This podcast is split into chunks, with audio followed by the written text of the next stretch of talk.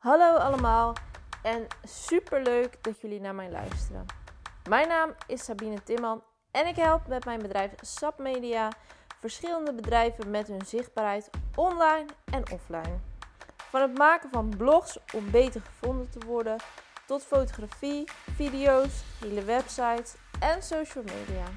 In deze podcast ga ik in gesprek met andere bedrijven en ondernemers over hun zichtbaarheid en hoe hun dit succesvol hebben aangepakt. En hier voor de allereerste podcast wil ik graag even iets meer over mijn eigen bedrijf en mijn eigen verhaal vertellen voordat ik in gesprek ga met allerlei andere ondernemers, zodat jullie echt mij kunnen leren kennen. Nou, Sabine Timman, geboren in het noorden van Nederland, in het plaatsje Tuitjehoorn. Dat ligt tussen Schagen en Alkmaar. Ik ben altijd al enorme paardengek geweest, al zolang ik mij kan herinneren. Ehm, mijn ouders uh, vertelden mij zelfs dat het eerste woordje wat ik kon vertellen dat het Bobo was. Dat was het paard wat in de wei stond naast het huis van mijn grootouders. Dus jullie kunnen je wel voorstellen hoe gek ik was van paarden. Al zolang als dat ik leef. Mijn ouders hebben helemaal niks met paarden, dus dat was best wel heel erg opmerkelijk. Maar toch wilde ik altijd maar blijven paardrijden. En ik wilde dus eigenlijk ook gewoon Ankje van Grunsven worden vroeger. Wat is de droom van elk paardenmeisje? Ja, Ankje van Grunsven worden, in ieder geval toen de tijd. Dus ja, toen ik een, uh, een opleiding moest kiezen, toen ben ik ook uh, in Deurne gaan kijken. En uh, ben ik gaan kijken of die opleiding iets voor mij was. Ik ben daar dus naartoe gegaan op een open dag. Heb een aantal vragen gesteld. En kwam eigenlijk een beetje teleurgesteld thuis. Dit was niet helemaal wat ik van had verwacht. Maar goed, ik was en ben heel flexibel. Dus ik ben ook naar andere open dagen gegaan. Het moesten natuurlijk wel opleidingen zijn die iets, iets met paarden te maken zouden hebben. Ik had de HAVO gedaan, dus een HBO-opleiding leek mij en mijn ouders wel slim. Dus toen ben ik op verschillende scholen wezen kijken, zoals um, de hippische bedrijfskunde in Dronten en ook in Leeuwarden. En ook de Has Hogeschool in Den Bosch. Daar uh, boden ze toen dier- en veehouderij aan met een specialisatie naar paardenhouderij. En die opleiding in Den Bosch, dat leek me wel wat. Ik voelde de sfeer daar helemaal. En de breedte van de opleiding, die zag ik eigenlijk ook wel zitten. Want ja, als je dier- en veehouderij hoort, dan denk je niet gelijk van... Oh, dan ga je echt heel veel dingen leren. Behalve dat je leert om boer te zijn. Maar niks blijkt minder waar. Want ik heb daar onwijs veel geleerd over bedrijfskunde, over marketing, maar natuurlijk ook heel veel over dieren, zoals voeding en andere aspecten daarvan. Maar ik heb dus ook heel veel meegekregen over bedrijven en bedrijfsadviezen. Wat je moet doen om bedrijven te optimaliseren. Hoe je daarmee marketing kan gebruiken en dat soort dingen. En ik heb ook een module journalistiek daar gevolgd. En dat vond ik ook wel heel erg leuk. Daarin mocht je namelijk ook zelf je eigen tijdschrift gaan maken. Nou, tijdens die opleiding moest je dus ook een aantal stages gaan lopen. En het was mijn insteek om stages te gaan lopen bij bedrijven die ik zo leuk vond dat ik daar misschien wel later wilde gaan werken. Nou, de eerste stage was bij uh, de paardenverzekeraar. Dat was echt onwijs leuk. Ik heb daar superveel dingen opgezet en heel veel structuren en projecten. Maar ja, dat was niet helemaal wat ik later wilde worden. Al vond ik het wel echt onwijs leuk om te doen. Vervolgens ben ik mijn stage gaan lopen bij het paardenmagazine Hoefslag. Dat zat toen nog bij Sanoma Media, het enorme gebouw in Hoofddorp. En ik keek daar echt mijn ogen uit. En tijdens die stage daar had ik wel echt het gevoel: dit is wat ik later wil gaan doen. En vlak na die stage bij Hoefslag ben ik vertrokken naar Amerika om een stage te gaan lopen bij een eventingstal in de buurt van Washington DC. Echt onwijs gaaf. En toen ik terugkwam uit Amerika van alle stages die ik had gelopen dat jaar, toen vielen allerlei magazines bij ons op de deurmat. Want ik had daaraan meegewerkt. En dan krijg je zoals gebruikelijk in die branche, krijg je een bewijsnummer. Van de nummers waar jij in staat en waarvoor jij iets hebt gemaakt. En dat vond ik wel zo onwijs tof. En ik bleef toch wel een beetje met dat idee in mijn hoofd spoken. Dat dat echt iets was wat ik wilde. En tijdens die stage heb ik uh, artikelen geschreven, heb ik dingen uitgezocht, uh, dingen geregeld. En heb ik ook mogen proeven aan het fotografievak, weliswaar bij andere fotografen. Maar dat triggerde mij wel echt enorm. Ik ben namelijk echt een enorme boekenwurm. Al tijdens de middelbare school en de basisschool verslond ik echt boeken alsof het niks waren. Ehm, hoe heet dat boek? De Hemel van Harry Mulisch. Wat echt onwijs dik is, waar niemand doorheen komt. Geweldig boek vond ik dat. Ik had gewoon een passie voor het lezen van andermans verhalen. Of dat nou in boekvorm was of op foto's. Uh, video's waren toen nog niet heel hip. Maar ehm, ik had gewoon een passie voor het lezen en het bekijken van andermans verhalen. En vond dat rete interessant. Dus ehm, door dat kijken in fotografie is mijn interesse daarvoor echt enorm aangewakkerd. Want ik dacht, ja, als je dan kan schrijven en kan fotograferen, ja, hoe geweldig is dat? Want dan, dan kan je nog completere verhalen vertellen. Dus ehm, toen eh, heb ik van mijn vader een goedkope camera gekregen, een Canon. En ben ik de basisopleiding van de fotovakschool in Boksel gaan volgen. Ik had er echt nog helemaal geen kaas van gegeten. En ik vond het dus ook best wel ingewikkeld. Maar wel onwijs leuk. Ik was niet heel erg goed nog. Maar ik besloot, ik wil hier beter in worden. En ik wil dat leren. Dus ik ga de vakopleiding doen. Dat was allemaal nog tijdens dat ik ook nog op de has zat voor mijn opleiding. Dus op woensdagavond ging ik dan naar Bokstel. En de rest van de week zat ik ook gewoon in een bos op school. En al die stages, die waren dus in het derde jaar van mijn opleiding in Den Bosch. En het vierde jaar moest je in de laatste helft gaan afstuderen. En voordat die laatste helft begon, kreeg ik een heel leuk berichtje van de hoefslag. Hey hallo, um, onze coördinator die gaat met zwangerschapsverlof. Zou jij misschien wat taken bij ons op de redactie willen overnemen? En zou jij twee dagen in de week bij ons willen komen werken? Nou, hoe geweldig is dat als dat je ultieme droom is om daar te werken? Om dan zo op zo'n manier, voordat je nog klaar bent met je opleiding, om daarvoor gevraagd te worden. Dus het zou wel pittig gaan worden, want het afstuderen zelf was al een hele pittige opdracht. Maar ik wilde dat met beide handen aanpakken. Dat was echt wel behoorlijk pittig, maar uh, ik heb het gered. En het was echt de meest geweldige tijd daar bij Hoefslag. En na die periode, toen mocht ik blijven. Mijn contract werd al door beetje bij beetje verlengd. En um, ik kreeg ook een nieuwe functie. Ik had inmiddels uh, heel wat ervaringen opgedaan met fotografie. En ik was beeldredacteur geworden. Ik merkte namelijk dat ik er heel goed in was om beelden van anderen te beoordelen. En ook om te kijken welk beeld precies bij welk verhaal past. En daar helemaal in te duiken. En ik mocht ook bepaalde producties maken, zoals fashion shoots. Echt de meest geweldige tijd daar gehad. Ik kon echt daar al mijn creativiteit in kwijt. En dat was eigenlijk een beetje tot het moment eh, totdat de hoefslag werd verkocht aan Media Primair. Toen begonnen al een beetje de eerste scheurtjes met bezuinigingen. Het moest anders, het moest goedkoper. Ik merkte op een gegeven moment dat, dat mijn creativiteit een beetje in de weg ging zitten. En dat dat tegen begon te staan.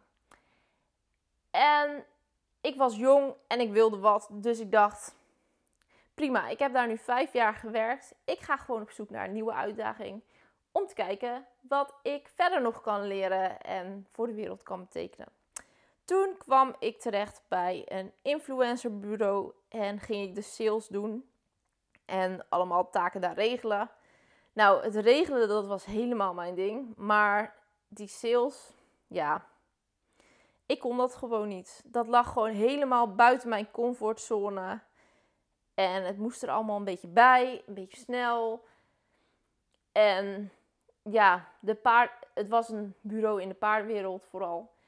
En die paardenwereld was daar nog niet helemaal klaar voor, voor dat influencer marketing. En ja, ik ook nog niet. En daar werkte ik eigenlijk nog maar een half jaar voordat ik via het payrollbedrijf waar ik via in dienst was daar.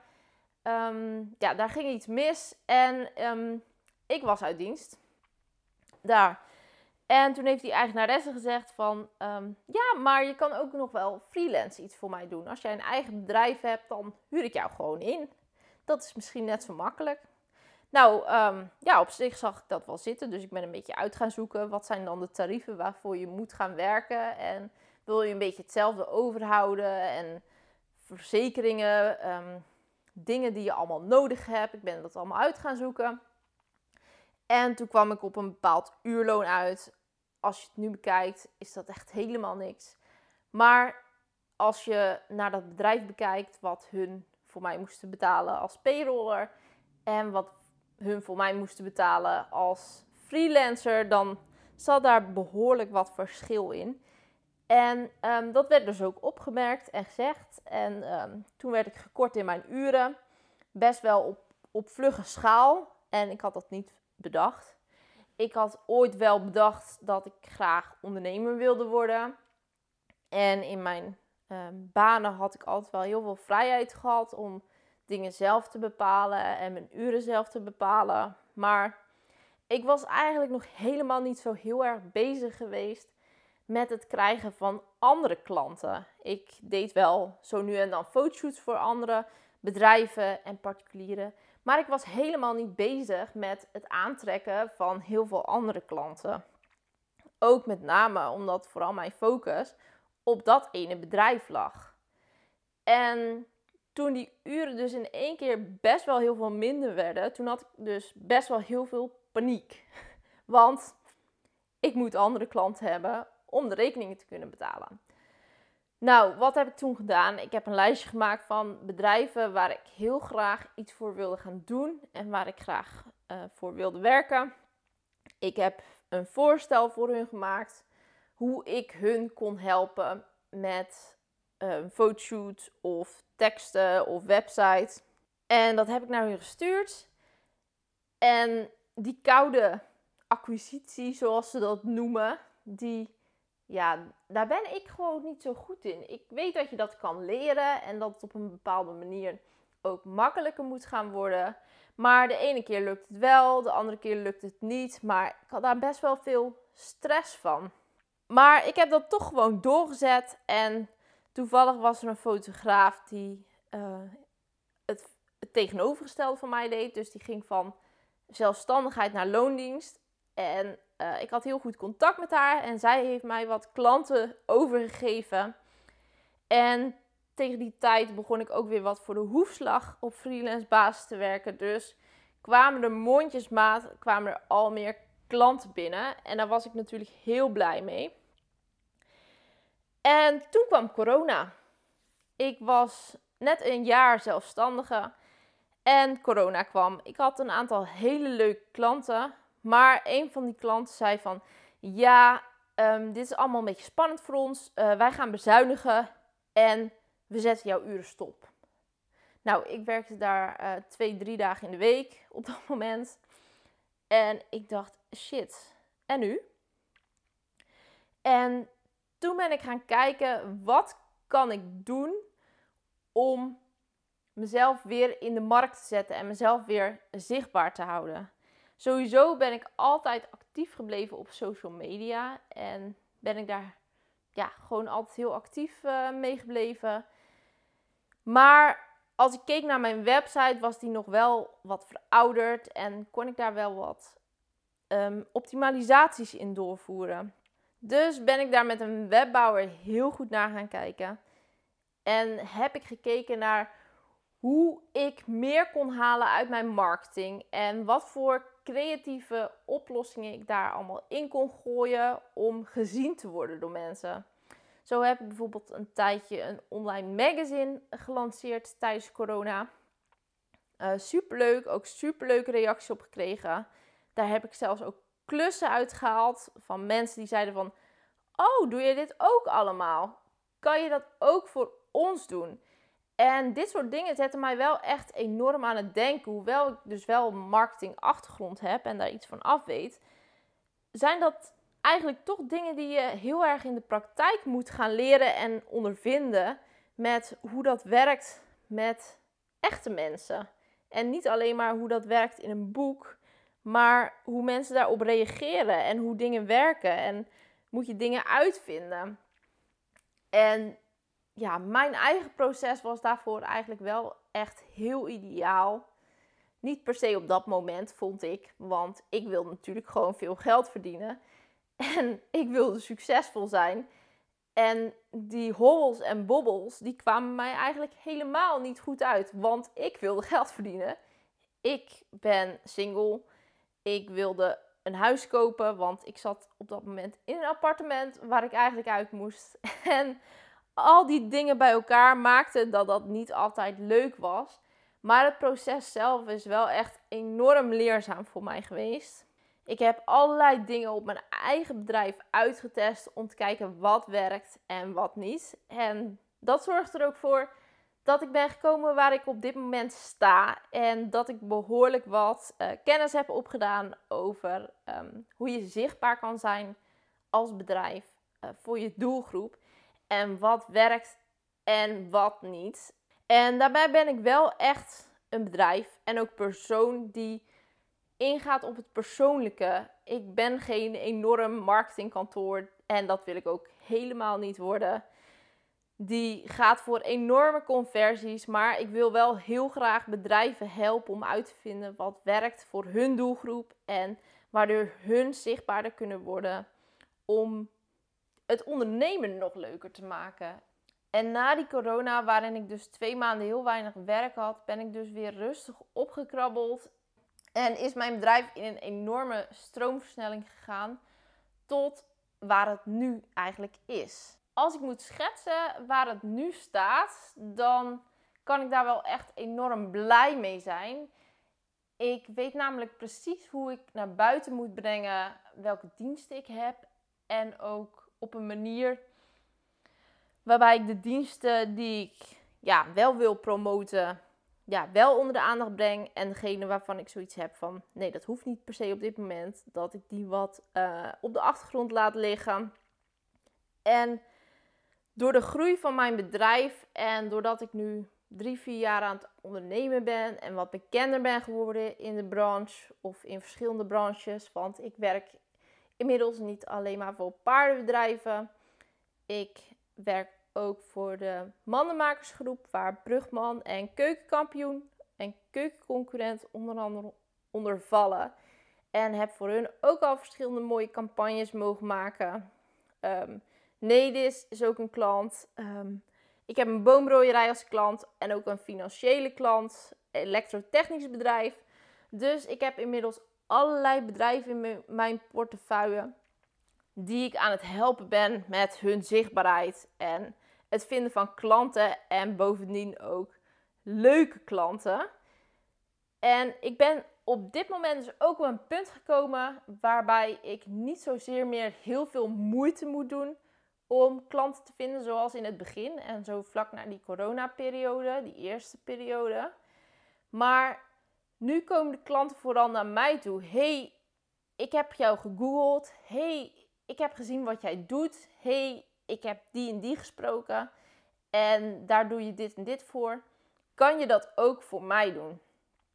En dat maakt, ja, dat vind ik wel echt een onwijs leuke situatie. Waarin ik niet meer hoef te leuren om mijn diensten te verkopen. Maar dat mijn diensten voor zich spreken en dat mensen zo blij zijn.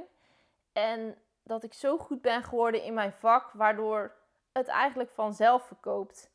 En dat is wel echt onwijs leuk. En als ik daar zo op terugkijk, dan ben ik wel onwijs trots op mezelf dat ik dat heb kunnen bereiken. En dat bereik je natuurlijk niet door dat altijd alles maar alleen maar goed gaat. Je hebt ook struggles nodig op je weg, dingen die je uit moet vinden, eh, moeilijkheden die je door moet. Maar dat vind ik toch wel echt typisch ondernemer zijn om dat soort dingen uit te zoeken. En dat vind ik echt onwijs leuk. In ieder geval, er is gebleken dat ik dat onwijs leuk vind. En ook onwijs leuk vind om andere bedrijven daarmee te ondersteunen en te helpen. En ja, dat is een beetje mijn ehm, professionele verhaal. Het verhaal van mijn bedrijf. Ehm, hoe het is gegroeid van um, redacteur zijnde tot waar ik nu sta. Bedrijven helpen. En eigenlijk had ik tijdens mijn periode op de HAS, wilde ik, voordat ik die stage ging lopen bij de hoefslag, wilde ik al bedrijfsadviseur worden. Maar qua stages kon ik daar absoluut helemaal niks in vinden. En waren er heel weinig bureaus die dat deden. Dus heb ik dat losgelaten. Maar hoe geweldig is het dat dat nu eigenlijk toch een beetje is gelukt. En dat ik daar naartoe ben gegroeid. Ik ben er heel erg van overtuigd dat alles wat gebeurt, dat dat gewoon zo moet zijn. Natuurlijk moet je heel hard werken en heel goed nadenken, slim nadenken over hetgeen wat je wil en wat je wil bereiken. En moet je daar ook echt wel voor gaan. Maar alles gebeurt zoals het gebeurt. En daar zit volgens mij ook wel een bepaalde achterliggende reden achter. En dat is ook gewoon heel erg mooi. En je moet ervan uitgaan dat sommige dingen gewoon zo horen te zijn. Dus dat is graag wat ik wil meegeven over mijn verhaal. En hoe ik mijn ondernemerschap tot nu toe heb meegemaakt en welke struggles ik daarbij heb gehad en hoe ik die op heb gelost. Vooral door heel hard werken en allerlei dingen uitproberen die ik nu voor mijn klanten kan gebruiken. Dus als je nog vragen hebt over mij als persoon of mijn bedrijf, dan beantwoord ik die heel erg graag. Maar ik denk dat deze podcast, deze eerste podcast, nu al best wel lang is geworden waardoor ik hem graag af wil gaan sluiten. Ik zal nog vast heel veel dingen niet hebben verteld die je misschien wil weten of die ik had willen zeggen. Maar ik ben gewoon gaan zitten en gaan praten en mijn verhaal gaan vertellen. En ik denk dat ik nu wel een beetje doorheen ben. Dus bedankt voor het luisteren naar een inspirerend verhaal. Wil je ook aan de slag met jouw zichtbaarheid? Neem een kijkje in het aanbod van mijn trainingen in de link in de show notes. Zodat jij meer fijne klanten kunt helpen. Want ik ben ervan overtuigd dat ik mijn kennis kan overdragen en dat ik dit ook aan jou kan leren. Tot in de volgende podcast.